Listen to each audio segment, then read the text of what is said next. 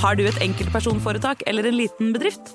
Da er du sikkert lei av å høre meg snakke om hvor enkelt det er å sende faktura med fiken. Så vi gir oss her, fordi vi liker enkelt. Fiken superenkelt regnskap. Prøv gratis på fiken.no. Nyt sommerferien på Prime. I'm here to show you a wonderful place. Opplev spennende turer. Så kan dette bli veldig farlig. Finn sommerkjærligheten. Hei. Hei. Se på Fallout, Furia eller The Idea of You. Og gjør deg klar for en sommer full av eventyr. Bare på Prime. Krever abonnement på Prime Video. Hei, og takk for at du hører på denne podkasten. Bøddel er en miniserie som tidligere har blitt publisert i Untold, men ut mai vil du få tilgang til denne samt en rekke andre miniserier og ukentlige episoder av Moderne Media sine podkaster. Du finner Bøddel og andre podkaster som Henrettelsespodden helt reklamefritt i Untold. Som en liten smakebit så får du hver uke i mai en ny episode av disse podkastene, som vanligvis kun er tilgjengelig for Untold-abonnenter. Hvis du liker det du hører, så bør du laste ned Untold, eller gå til untold.app for å starte ditt abonnement i dag. Advarsel. I denne podkasten vil du høre historier basert på informasjon programlederne har funnet selv. Programlederne står ikke nødvendigvis inne for meninger og syn som fremstilles. Noen påstander kan avvike fra virkeligheten.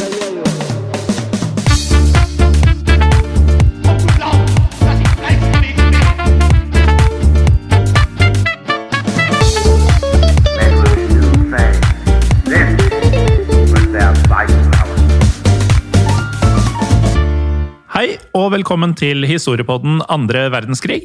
Mitt navn er Morten Galaasen, og med meg, ja, kunne sagt i studio, men eh, over nett, så har jeg deg, Jim Fosheim. Ja, hallo Morten. Jeg eh, forventer meg nok en eh, oppdatering fra din eh, post-koronatilværelse, jeg nå. Det gjør det nok. Nei, jeg har jo vært tilbake i jobb en uke nå. Kroppen funker utmerket, og nå er det jo en fredag ettermiddag vi sitter og spiller inn. Mm. ved lunsjtider i dag så merker jeg at nå er smaken og lukta ordentlig på vei tilbake. Så nå har jeg faktisk ingenting å klage på. Nei. Og eh, er det sånn nå eh, at du planlegger helgen i henhold til smakssansen din? Jeg har kjøpt inn en del smakfulle ting som skal få kjørt seg i løpet av helga. For det, det har vært mye holdt på å si, fengselsmat uh, de siste dagene. Når det uansett ikke smaker noe, så har det blitt ganske er- trause greier. Vært pytt i er- panna og sånn. Ja, ok. Fengselsmat. Uh, Ja, fordi eh, fengsel Det spørs hvilket fengsel Vi har jo prata mye gale folk i historiepodden uh, opp igjennom. Jeg tenker sånn Det de har spist i fengsel, det tror jeg er noe helt annet enn det vi tenker fengselsmat i Norge. Jeg tenker sånn En Fjordlandspakke, er det fengselsmat? Jeg ser litt for meg det. Eh, eller en boks lapskaus, eller altså veldig sånn derre eh, Når jeg sier fengselsmat, så er det kanskje såkalt hybelmat jeg egentlig tenker på. For, for jeg er i så fall ganske glad i fengselsmat. sjøl. Ja, Jeg er- Mye av det Fjordland lager, er sånn jeg bare sluker det rått, jeg. Nærmest. Nei, Jeg håper du varmer det først. da. Jeg varmer det. ja, kjører mikroen, men eh, det er godt å høre at du er på bedringens vei. Nå trenger vi bare litt vaksine. vaksine. Og så kan vi da faktisk nyte noe kaldt med god smak i.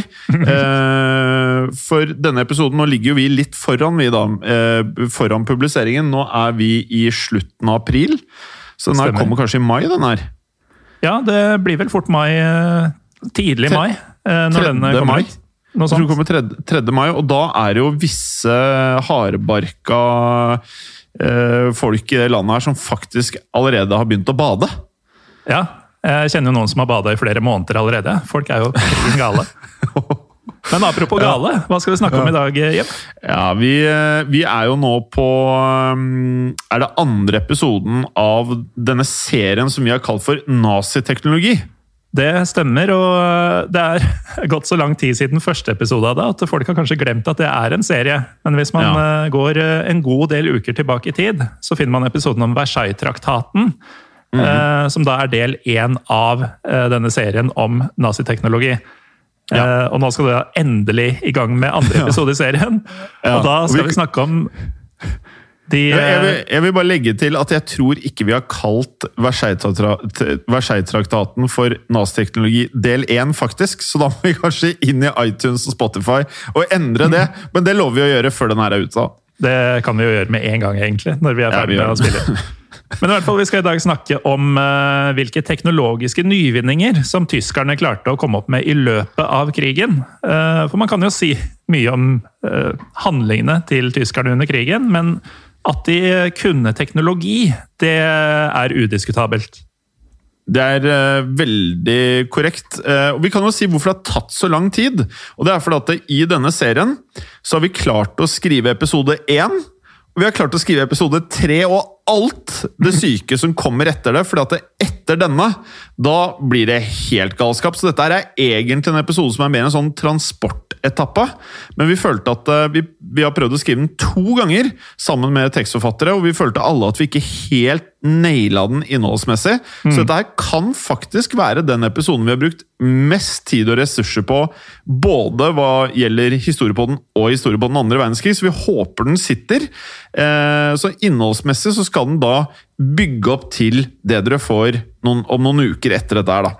Ja, og Dette er jo da også grunnen til at eh, Versailles-traktaten ligger så mange uker tilbake i tid. Helt riktig. Um, skal vi rett og slett bare gå til eh, en av mine favorittbøker, som er skrevet av en eh, legende av en forfatter. Eh, tror jeg uttaler det riktig når jeg sier Sun Tzu. Ja, Det høres riktig ut. Ja, Sun Tzu. Og han skrev da eh, hva mange anser som eh, et mesterverk å være. Eh, The Art of War. Eh, han skrev også da i The Art of War at speed is the essence of war. Eh, noe tyskerne så til de grader har tatt med seg ut og inn i annen verdenskrig. Men, men før vi går videre, Morten, så må jeg bare legge til at Sun Tzu det er en bok som er quota i mer filmer enn jeg kan huske. Og en film der den ble gjort til eh, populærkultur, var i jeg lurer på om det, filmen er fra 80-tallet. Den heter Wall Street, med Michael Douglas og en ung Charlie Sheen før han mm. blir dagens Charlie Sheen. Eh, hvor eh, Gordon Gekko, som da er Michael Douglas, nest, nærmest lever etter eh, krigsprinsippene eh, til Sun Tzu i The Art of War. Og så kan jeg bare da legge til at en av mine favorittbøker er en bok med nesten samme tittel, som da er stokket litt eh, om på, som heter da The War of Art. Som er skrevet av en forfatter som heter Steven Pressfield. Og den boken eh, brukte Steven Pressfield jeg tror det var nærmere 40 år på å skrive. Og den boken handler om prokastinering! Så han prokastinerte i 40 år før han skrev boken. Og den boken er faktisk ikke på mer enn 120-130 sider, men jeg leste den på en kveld, og etter jeg leste den, så støvsugde jeg hele leiligheten. Jeg vasket opp eh, både panner og det som var, og jeg rydda skuffer og skap og alt mulig. Og det er en bok jeg vil anbefale absolutt alle som ønsker å få litt motivasjon i hverdagen, å lese. Jeg tror den koster 399 på Amazon, så jeg er ferdig. Ok. Men uh, dette sitatet ditt fra The Art of War, nemlig 'Speed is the essence of war', det får en litt sånn dobbel betydning da, i dette tilfellet. fordi eh, vi vet jo at tyskerne var kjappe på kriginga. Men eh, speed kan jo være så mangt, og dopet amfetamin det var allerede et kjent stoff på 30-tallet. Og spesielt var det rukket å bli populært i USA som et, eh, ja, en oppkvikker. Ja, og når vi prater om eh, speed, altså hurtighet, så er det forskjellige områder tyskerne valgte å bruke det. Og dette her med amfetamin er kun ett av de. For um, dette stoffet ble for alvor kjent uh, i 1936 i et uh, helt spesielt OL. Um, for da var det slik at uh, mange av utøverne begynte å ta dette stoffet i bruk. Og dette hadde jo umiddelbar effekt i det at de aller fleste slo rekorder. Og en av dem som da merket seg for alvor dette stoffet under OL, var den tyske kjemikeren Friedrich Hausschild, eller som jeg ville sagt det hvis det ikke var tysk, Friedrich Hauschild. Eh, og han klarte da å anskaffe seg en prøve av eh, den eh, amfetaminen som amerikanerne refererte til som benzedrin, eh, før han da undersøkte stoffet nærmere i laboratoriet sitt. Og Hauschild han så et enormt potensial i dette dopet, og bestemte seg da for å lage sin egen versjon. Så i løpet av et år så klarte Hauschild å framstille det som er den litt mer aggressive broren til eh, amfetamin, nemlig metamfetamin. Eh, Det er jo to stoffer som er svært like dette her, men metamfetamin er mer fettløselig og når derfor raskere til hjernen. Og Hauschild han valgte å kalle sin variant for pervitin. Ja, og pervitin er noe av det som eh, jeg kanskje er mest fascinert av om dagen. Når jeg googler og leser sånne ville artikler om annen verdenskrig, så er dette noe som er en gjenganger. Ehm, For pervitin var da altså egentlig merket på denne substansen. da. Og Houseshield han eh, solgte sin Metamf eh, under, fra og med 1937. Og det skulle ikke ta lang tid før pervitin ble umåtelig populært i Tyskland. Eh, og på dette tidspunktet så eh, hadde jo da Hitler allerede tatt makten i Deutschland. Og det var da denne nazi-ideologien som da rådet over hele landet. Eh, Slik at motstanden mot dop var i utgangspunktet ganske fremtredende blant nazistene. Men det viste seg da raskt at pervitrin det ble et eh, unntak til, dette, til denne motstanden for dop. Ja, fordi eh, dop som gjorde deg sløv, det var jo sett på som eh, noe svakt. Mens dette dopet det gjorde jo det motsatte, og ble derfor heller sett på mer som en slags mirakelpille. Eh, Så de første årene som pervitin var på markedet, så ble det i all hovedsak brukt av privatpersoner som ønsket å gjøre de lange, harde arbeidsdagene litt lettere. Men det tok da ikke lang tid før noen så det virkelige potensialet i denne pilla. Og lederen for det tyske forskningsinstituttet for forsvarsfysiologi, dr. Otto Ranke, han mente at pervitin måtte bli tatt bruk i militæret. Eh, og han var for øvrig Altså, denne Otto Ranke var en ivrig eh, bruker av pervitin selv. Og Ottos forslag det ble tatt meget godt imot av Hitler, slik at det tyske militæret eh, begynte da å bruke pervitin allerede i 1939. Slik at det ble en fast del av utstyrslisten, faktisk, til de tyske soldatene. Og dette her syns jeg er utrolig fascinerende at eh, For meg så fremstår dette som en informasjon som er helt åpenbar når du begynner å google, eh, men som i historiebøkene ikke er fremtredende, men som er helt vesentlig for eh, mye av det tyskerne fikk til tidlig i krigen. Jeg er helt enig, Det er veldig underkommunisert hva, hva som faktisk sto bak den tidlige suksessen eh, de hadde. Eh, Og Apropos tidlig suksess, eh, konseptet blitskrig det var jo noe som hadde blitt brukt før, men tidligere hadde jo en slik krigføring hatt et veldig svakt ledd. Og det var jo nettopp det at soldater trenger søvn, de trenger mat, de trenger hvile. Vil si, de trengte alt dette, for nå kom pervitin og endra på dette. For nå kunne plutselig de tyske soldatene marsjere i flere døgn uten å sove. Eh, takket være ja, dette som var metamfetamin, så var de blitt en type supermennesker nærmest over natta.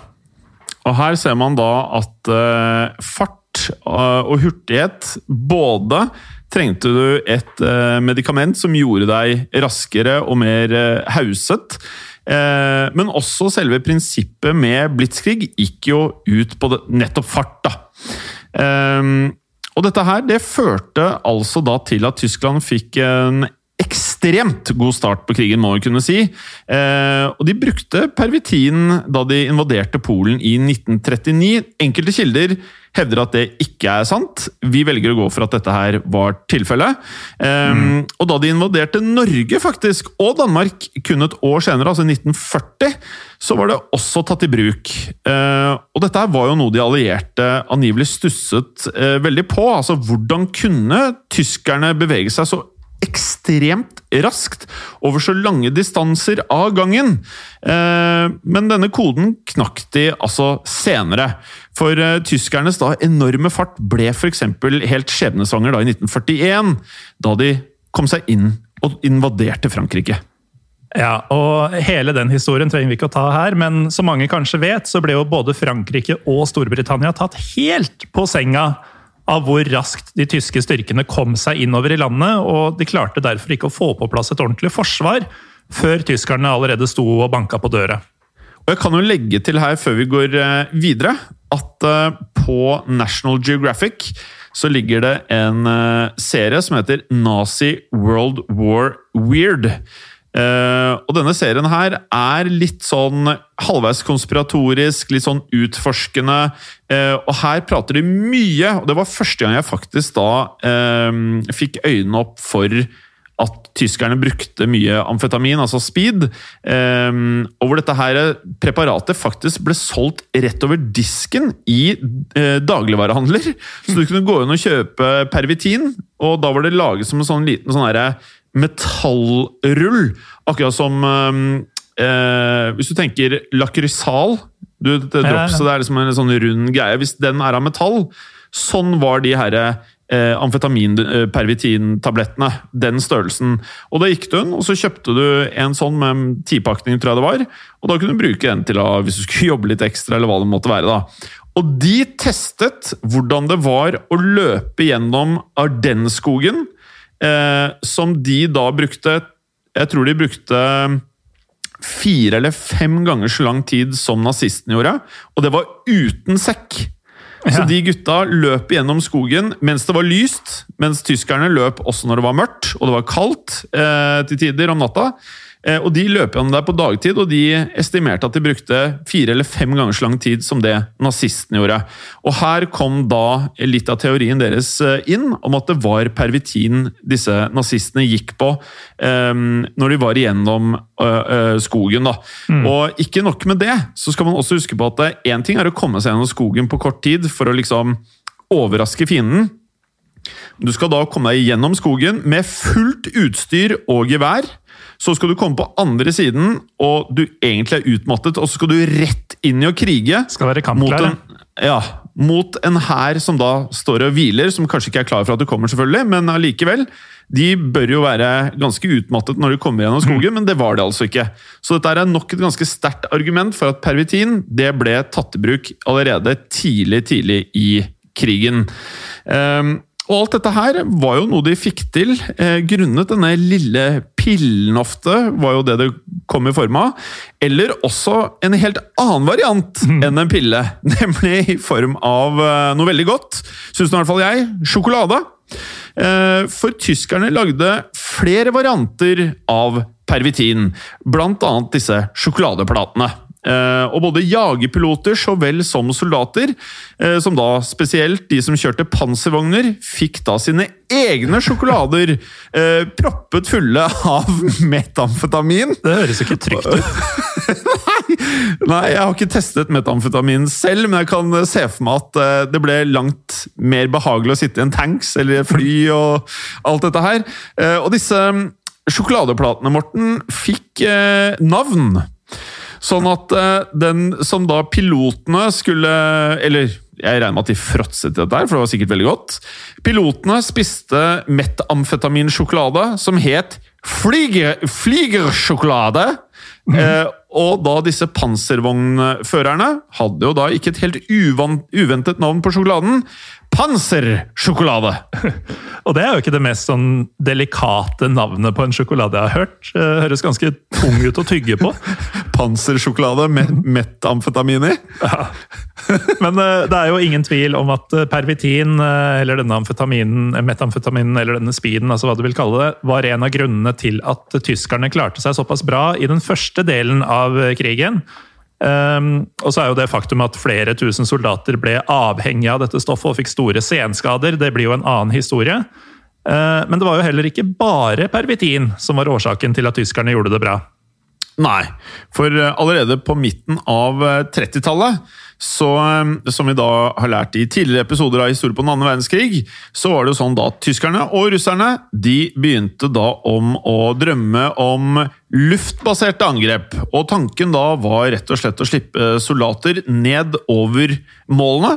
Um, og var noe de begge uh, følte var en del av fremtidig måte å føre krigføring på. Eh, og på mange måter så så man dette som den siste teknologiske utfordringen når det da kom til strategisk krigføring. For man hadde jo da klart å erobre land og vann, men luften var fortsatt et eh, område hvor man ikke var helt ferdig utforsket. Nei, så Dermed så satte både Sovjetunionen og Nazi-Tyskland sine beste hoder på saken. og det var faktisk russerne som kom best i gang, og fikk allerede i 1935 til å slippe fallskjermjegere ut fra sine krigsfly. Um, og deres eh, fallskjermprogram det stagnerte uh, etterpå, slik at Tyskland kunne på en måte overta ledelsen i dette kappløpet.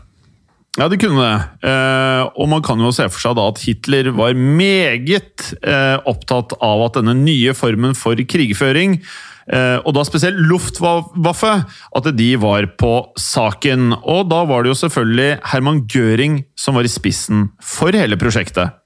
Og denne flyteknologien eh, var der allerede, selvfølgelig. Så de, det de da måtte finne ut av, var jo rett og slett av hvordan de skulle bruke fallskjermjegere spesielt effektivt. Og tyskerne var jo da, som nå, gode på å se det hele fra et strategisk perspektiv. Eh, og det de da klarte, var å finne ut av hvordan fallskjermtroppene skulle få assistanse fra bakketroppene når de da omsider landet, og hvordan de skulle unngå å bli skutt ned eller skutt i lufta, rett og slett. Ja, og Vi har jo allerede vært inne på og sett at tyskerne var ekstremt opptatt av nettopp fart i krigføringa si.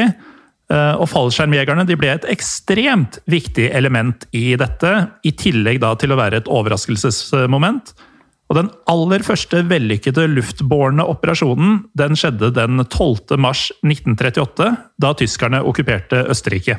Ja, og etter det så ble slike operasjoner brukt eh, særs hyppig. Og fallskjermjegere var annet til stede da Polen ble okkupert.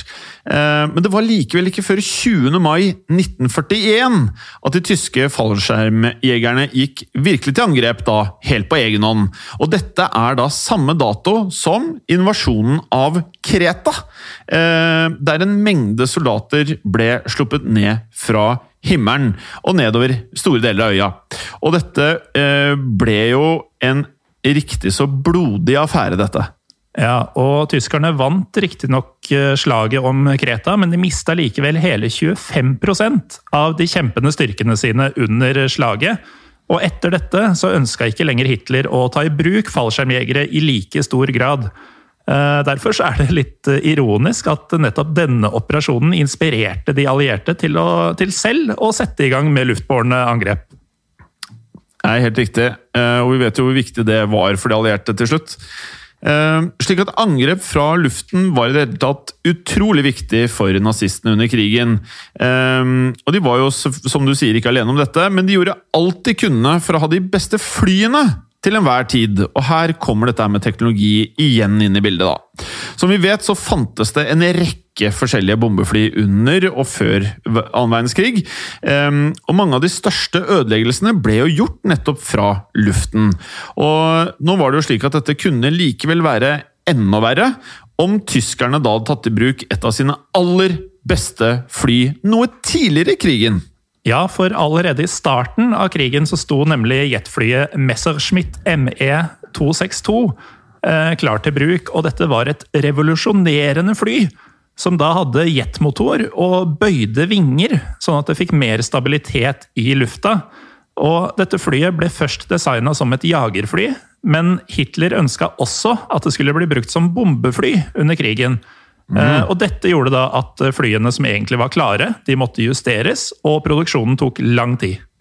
Jeg ble litt skuffet der over at du ikke dro det på tysk. Altså Messerschmitt ME262. Ja, det må være siste rest av korona som forlater kroppen, at jeg ikke tenkte så langt. Og nettopp pga. justeringen og at produksjonen tok så lang tid som du nevnte, Morten, så var det slik at dette pushet jo da tiden for når de kunne bli tatt i bruk ut noe voldsomt. Og med det så kom de faktisk ikke inn i krigen for fullt før i 1944. Eh, og på dette tidspunktet så føles det vel som at Tyskland allerede var på vei nedover. Eh, og de hadde jo også på dette tidspunktet færre erfarne piloter igjen, rett og slett. Og langt, langt dårligere tilgang på drivstoff. Eh, så dette var jo selvsagt gode nyheter for de allierte. Eh, for dette flyet var langt raskere og langt bedre bevæpnet enn noe annet fly under annen verdenskrig. Ja, men det ble jo da ikke så relevant som det kunne blitt. eh, Men grunnen til at vi likevel nevner dette flyet, er jo fordi det ble svært viktig etter krigens eh, slutt. For eh, teknologien i disse flyene ble etter hvert adoptert av andre nasjoner, og en rekke fly ble bygget på de samme prinsippene. Og at andre land henta teknologi fra nazistene etter krigen, det skal vi også snakke mye mer om i andre episoder av denne serien, Jim.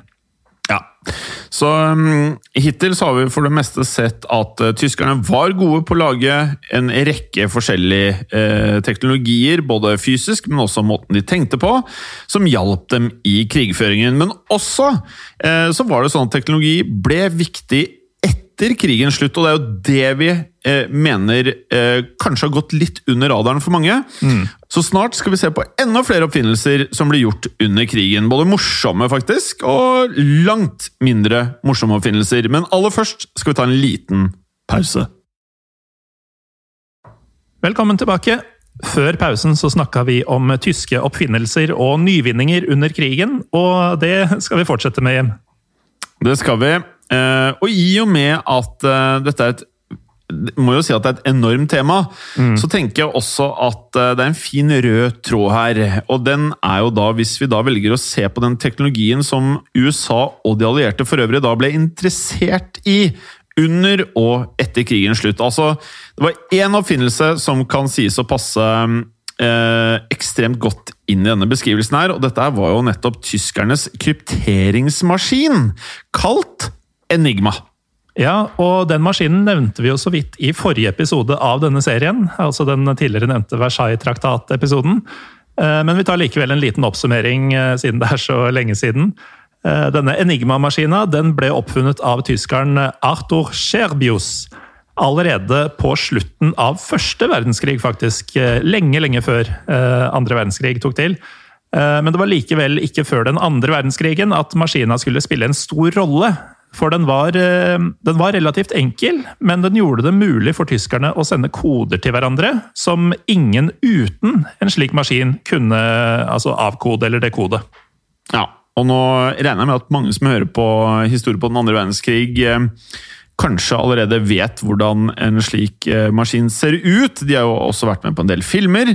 Men eh, for de av dere som ikke vet hvordan denne maskinen da faktisk så ut, eller fungerte, så kan vi jo prøve å gi, gjengi dette på en måte. da. For når det kommer til selve utseendet, så ser denne Enigma-maskinen på mange måter ut som en eh, en analog skrivemaskin. Nå kommer jeg faktisk på at en del av lytterne våre vet jo kanskje ikke hvordan en skrivemaskin ser ut heller. Aldri hørt om eller sett en skrivemaskin, sikkert. Nei, for mange er jo faktisk oppvokst i internettæraen, men mm. google det. En skrivemaskin er eh, metallisk av utseende ofte, eh, og har gjerne et tastatur. Og I tillegg til eh, tastaturet har maskinen også enda et sett med bokstaver som lyser opp ettersom man da trykker ned bokstavene på tastaturet. Og dette kalles, eh, lite overraskende, for et lysebrett. Ja, og akkurat hvordan maskina fungerte rent teknisk, eh, og nå snakker vi ikke lenger om skrivemaskina, men om Enigma-maskina, det er eh, vanskelig å forklare på så kort tid, men måten den ble brukt på er relativt enkelt å forklare. For Hvis vi tar utgangspunkt i at man skulle skrive beskjeden eh, 'eple', da trykka man ned tastaturknappen for E, og fikk dermed en annen bokstav lyst opp på dette lysbrettet, f.eks. J. Og slik fortsatte man, da helt til man hadde skrevet ferdig beskjeden. Så eple eh, kunne da komme ut som f.eks. JTGF, eh, og det ga da bare mening om du hadde en Enigma-maskin. Eller for oss, vi sitter og spiller på en eh, fredag. TGIF. Thank God it's Friday! Yep. Uh, yep. Um, og, Og så er det jo sikkert- mandag for de som Ja. hører denne når den kommer ut. Og det er det stikk motsatt av fredag. Ja, for den er jo ofte blå, så dere har kanskje ikke samme energinivå som vi har nå. Vi, vi, jo, vi skal jo snart uh, ja, ta helg.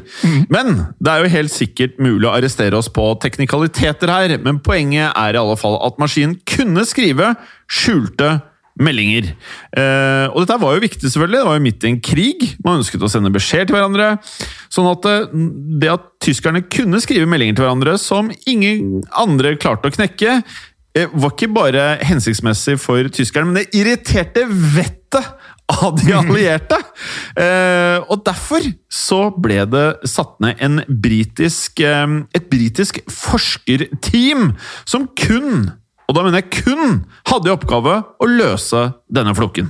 Ja, og akkurat det er jo en ganske kjent historie. Eh, spesielt da etter at filmen The Imitation Game, eh, som ligger på en av de vante streamingplassene, i hvert fall, om det er Netflix eller Viaplay eller hva det er, det er jeg ikke helt sikker på i farta. men eh, den handler jo da om briten Alan Turing, eh, og den kom ut i 2014. Og for de som likevel da ikke har sett filmen eller ikke kjenner til historien, så klarte altså da denne vitenskapsmannen, Alan Turing, sammen med sitt team å lage en maskin som kunne dekode samtlige av de tyske meldingene fra Enigma.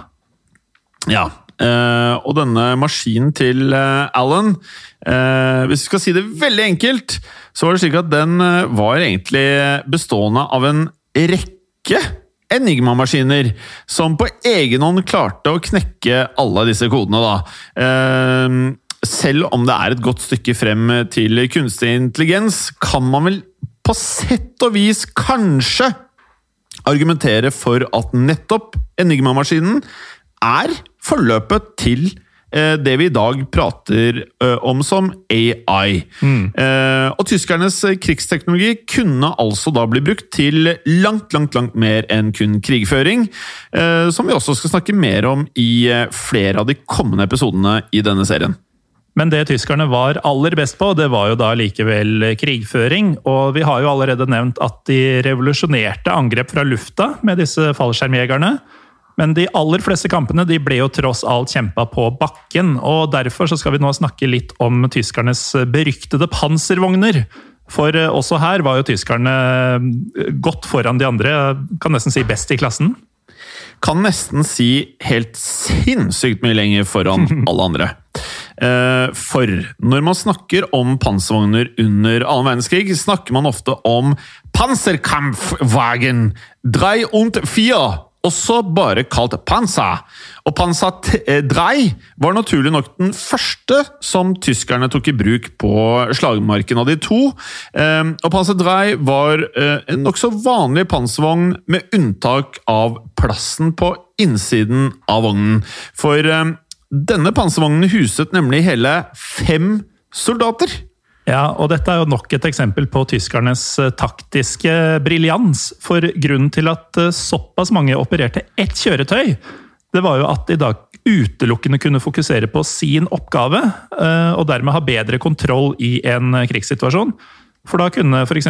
én soldat fokusere på skytinga, en annen kun fokuserte på lading, og resten av mannskapet kunne da fokusere på andre oppgaver. Eh, Og dette førte da til at eh, Panzer Drei ble et meget effektivt våpen for tyskerne. Ja. Um, den kunne likevel ikke måle seg opp mot den eh, oppgraderte versjonen, altså Panzer 4. eh, som da var lik forgjengeren, med unntak av et sett med langt sterkere kanoner, som man da kan forstå er viktig i en krig. Og dette førte jo da til at eh, denne versjonen også var enda mer effektiv mot fiendene. Og fra 1943 og utover var det utelukkende Panzafia, eh, som ble brukt av nazistene. Ja, og I en episode som dette så blir det selvsagt en del tyske oppfinnelser som har med krig å gjøre, og det er jo, i, det er jo naturlig nok i en podkast om andre verdenskrig. Eh, Men likevel så skal vi nå snakke litt om mer hverdagslige oppfinnelser som også ble unnfanget i denne perioden. Ja, for det var ikke rent lite. Ehm, tyskerne var jo da ikke bare gode på panservogner, fly og krypteringsmaskiner. Eh, bare hør på dette. I 1940 oppfant bl.a. tyskeren Max Keith det vi i dag kjenner som appelsinbrusen Fanta. Som mange har et forhold til, selvfølgelig. Eh, og mange tenker vel da at Fanta ja, måtte være en eller annen form for amerikansk oppfinnelse, men dette er da langt fra sannheten. For under annen verdenskrig hadde USA en handelsblokade mot Tyskland, som gjorde det svært vanskelig å få tak i nettopp Coca-Cola. Og siden denne Max Keef, eh, som du sier, var tysker, så velger jeg å kalle han Kite. Eh, ja. Max Keit han jobba da for Coca-Cola i Tyskland, og bestemte seg derfor for å lage en ny brus basert på råvarer man hadde der. Eh, og dette skulle da resultere i eh, Fanta. Og dette er kanskje ikke den aller mest imponerende oppfinnelsen som kom ut av Tyskland på denne tiden, men det er jo likevel en artig trivia at noe så amerikansk, tenker vi i hvert fall, som Fanta, faktisk er tysk. Ja, jeg ble overraska sjøl. Det var jeg ikke klar over. Um, og de tyske forskerne hadde mye å holde fingra i her, for listen over ny teknologi under annen verdenskrig er mastodontisk lang. Er lov å si det? Mastodontisk lang? Vi har nå sagt det. Ja, vi, og vi kommer til å si det igjen. Ja, det Blant annet så ble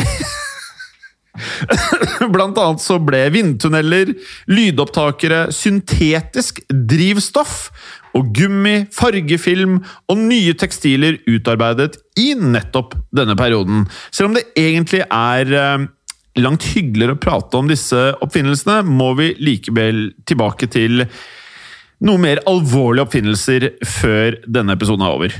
Ja, I eh, etterspillet etter krigen så var det spesielt to ting de allierte var opptatt av når det gjaldt eh, tysk eh, teknologi. Det ene var raketter, og det andre var kjemiske våpen. For allerede før krigen så hadde, hadde forskeren Gerhard Schrader funnet opp den kjemiske nervegassen sarin. Ja. Og nettopp denne sarinoppdagelsen skjedde Altså, det skjedde jo ved en tilfeldighet. Schrader skulle egentlig finne opp et nytt eh, plantevernmiddel, eh, og kombinerte i den sammenhengen de to stoffene fosfor og cyanid. Resultatet var forbløffende. Stoffet som ble dannet, var altfor sterkt for å drepe snegler og insekter. Og nyheten om nettopp dette, at dette stoffet uh, hadde denne effekten, eh, ble straks delt med militæret. Ja, og Det tyske militæret så jo dette som et lykketreff, for de skjønte jo straks at eh, dette her, dette kunne brukes i krigføring. Eh, likevel så må de jo ha innsett at et slikt våpen var eh, kontroversielt, for de ga stoffet navnet tabun, som, eller tabun, som kommer fra det tyske ordet for tabu, altså tabu eh, på norsk. Eh, likevel så satte de i gang med masseproduksjon av denne saringassen, og flere av de tyske generalene var ivrige etter å få tatt dette i bruk mot de allierte styrkene. Ja, og det rare her er jo da at Hitler ikke godkjente bruken av dette kjemiske våpenet, selv om rådgiveren hans la ekstremt press på Adolf Hitler. Og Årsaken til dette har eh, flere historikere for så vidt i senere tid spekulert eh, massivt i. En av hypotesene er da knyttet til Hitlers opplevelser selv, faktisk, fra første verdenskrig.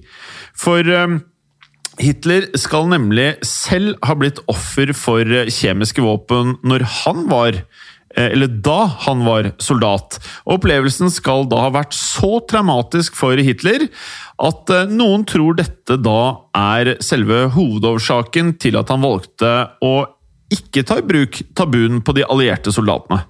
Det er likevel mange som ikke kjøper denne forklaringa, for eh, man må tross alt da huske på at Hitler faktisk brukte kjemiske stoffer til å ta livet av flere millioner jøder i gasskamrene. Så en annen forklaring er derfor Tysklands bruk av blitskrig. Hvis de hadde brukt eh, kjemiske våpen i krigføringa, så ville ikke en rask storming av land vært mulig. For eh, målene for saringassen ville jo da vært eh, farlige for bakketroppene å storme inn i.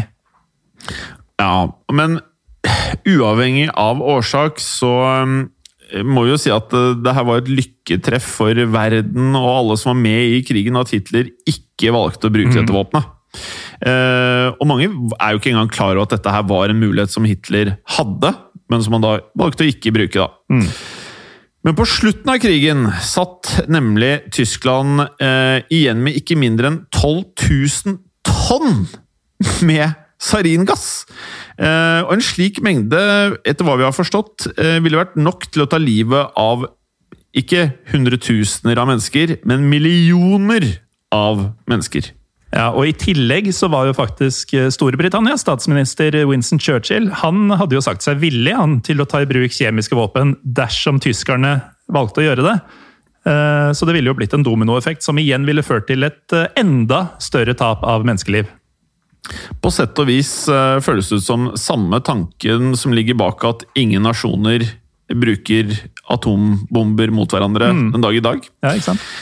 Ehm, men i en episode om eh, da tyskernes teknologi, Morten, eh, under krigen i hvert fall, så er det vanskelig å komme unna noe vi har pratet om som kuriositeter i vanlig historiepodden, nemlig disse vanvittige Altså, De var så langt forut sin tid, disse rakettene som refereres til som V1 og V2.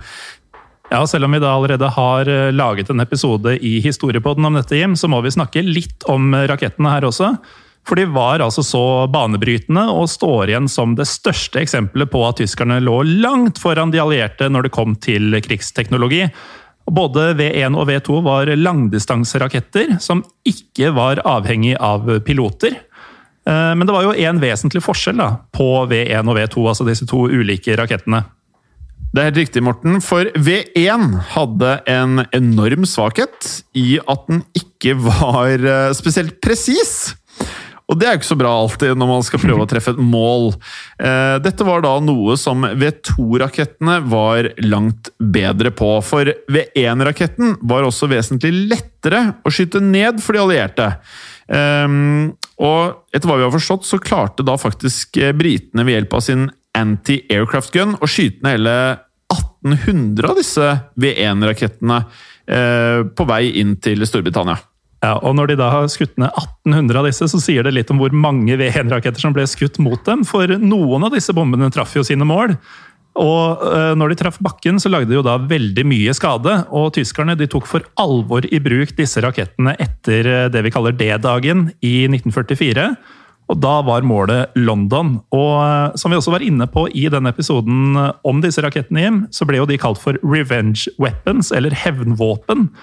Eh, Fordi det kom som en reaksjon på de alliertes invasjon av Normandie. Og flere av disse, altså både V1-ene og V2-rakettene, traff, som du nevner, London. Og ødeleggelsene var faktisk eh, enorme.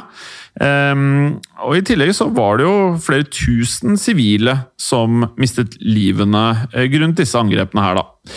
Eh, angrepene fortsatte for så vidt helt frem til eh, de allierte klarte å ta seg inn på basen der rakettene ble skutt fra. Og der kan jeg eh, eh, gi et lite tips til de som har PlayStation 1 og 2. For der er det et uh, av de beste TV-spillene jeg har spilt noen gang, som heter Medal of Honor. Jeg tror det er Medal of Honor 1 og 2. Hvor du da er britisk soldat, og hvor eh, Spoiler alert! Hvis du har tenkt til å grave frem eh, PlayStation 1 nå, og du ikke har spilt spillet og du skulle kjøpe på nett, så er det sånn at det siste bossen er to eller tre, jeg husker ikke, det er mange år siden jeg har spilt dette her, gale naziforskere som løper rundt V1 eller V2-anlegget. Og da er siste missionet å drepe disse forskerne før de rekker å skyte de siste to V1 eller V2-ene, som da har et veldig viktig mål. da. Jeg kan jo også nevne for eh, de som kanskje har kasta sin PlayStation 1 eller 2 for 10-15-20 år siden, at eh, på de nyere PlayStationene så har man jo PlayStation Store, og der kan man kjøpe en god del gamle spill. Jeg veit ikke om Medal of Honor er der, men det ville ikke overraske meg. Eh, Men uansett, av disse rakettangrepene de ble jo på en måte den siste krampetrekninga fra tyskerne under krigen. Og det var jo ikke lenge etter dette at de kapitulerte. Og i likhet med flere andre av de tyske oppfinnelsene under krigen, så kom også disse rakettene litt seint, akkurat som dette Messerschmitt-flyet, eh, for Hitler og nazistene. Og selv om krigen var over da, som vi vet, etter 1945, eh, var de allierte svært opptatt av å få tak i all denne tyske teknologien. Eh, og da Det her er vel kanskje noe av det mest fascinerende med denne serien med episoder. At eh, folk aner ikke hvor viktig dette var. Mot slutten av krigen så var dette her Alle visste at Tyskland var ferdige. Så, så de allierte, altså de fire hovednasjonene, kan man på sett og vis kalle da Sovjet, USA, Frankrike og Storbritannia på mange måter, eh, de knivet innad om å få kontroll over områder, selvfølgelig, men først og fremst var nøkkelen tyske ingeniører eh, og teknologi som de da kunne bruke videre etter krigen.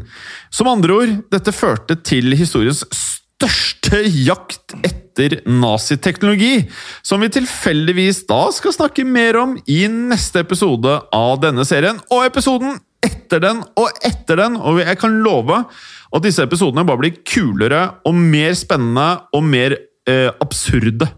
Ja, og det kommer til å være mye som overrasker eh, de lytterne som ikke kjenner til disse historiene fra før. For det er jo en del eh, folk som får roller du kanskje ikke ville sett for deg når du vet at de var fremtredende nazister under krigen osv.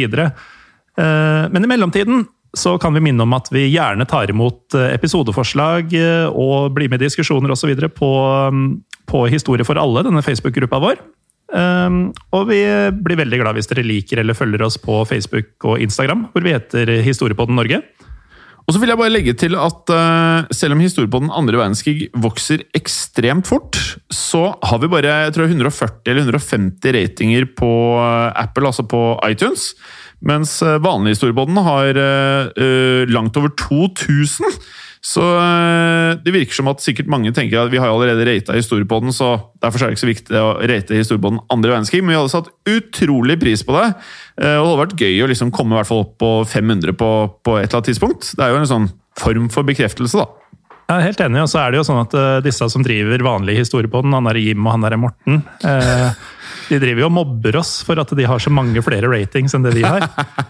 Ja, ja de er voldsomt fæle, de gutta. Ja, litt sånn, litt sånn ekle mot oss. Men uh, Ja. uansett, uh, rate eh, gjerne både denne og den andre historiepoden hvis du ikke allerede har gjort det i, i iTunes. Ja, og så eh, Vi var jo innom eh, Medal of Honor.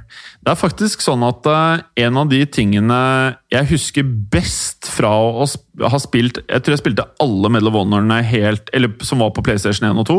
Jeg husker ikke hvor mange det var, jeg, men de har klart å fange stemningen noe voldsomt! Både når du er på skip, eller du er rundt tanks, i, i, i skogen, altså Ardenskogen.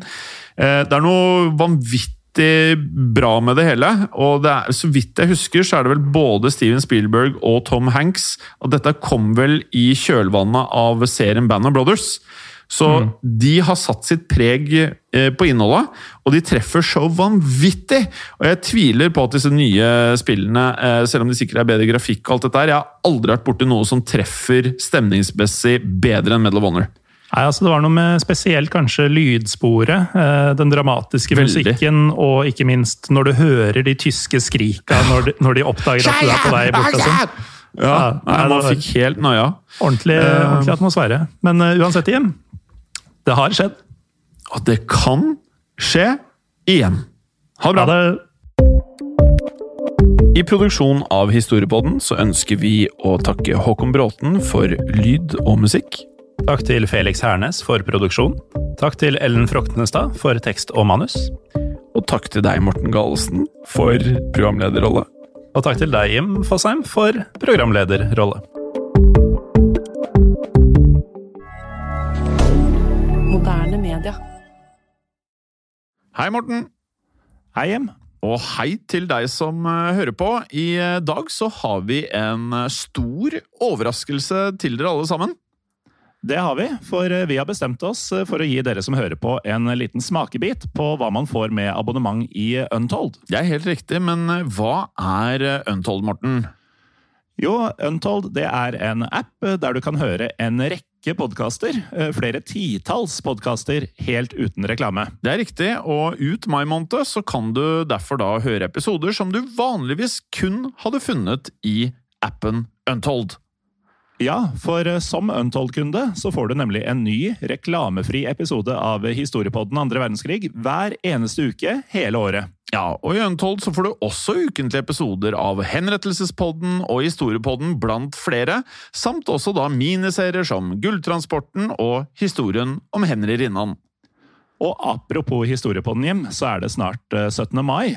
Og i Historiepodden så vil man kunne høre episoden om torgslaget i Kristiania i forbindelse med nettopp eh, den datoen.